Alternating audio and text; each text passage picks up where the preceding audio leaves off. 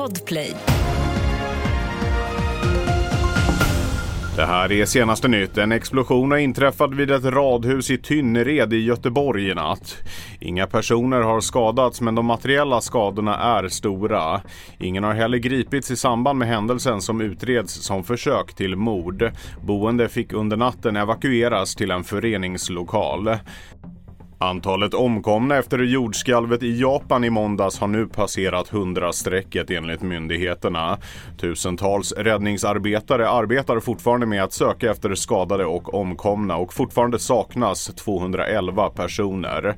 Många vägar är fortsatt blockerade efter det jordskred som följde skalvet.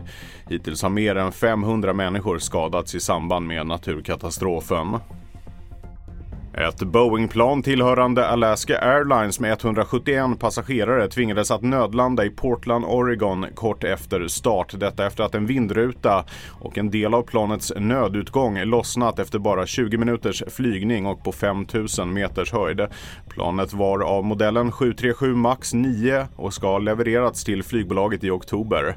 Boeing har meddelat att man nu står redo med en tekniskt team för att bistå när det gäller att utreda hur själva olyckan kunde inträffa. Mer nyheter hittar du på tv4.se.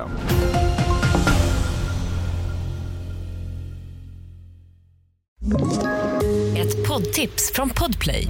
I fallen jag aldrig glömmer djupdyker Hasse Aro i arbetet bakom några av Sveriges mest uppseendeväckande brottsutredningar.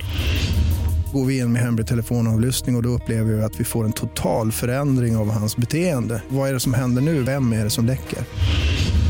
Och så säger han att jag är kriminell, jag har varit kriminell i hela mitt liv men att mörda ett barn, där går min gräns.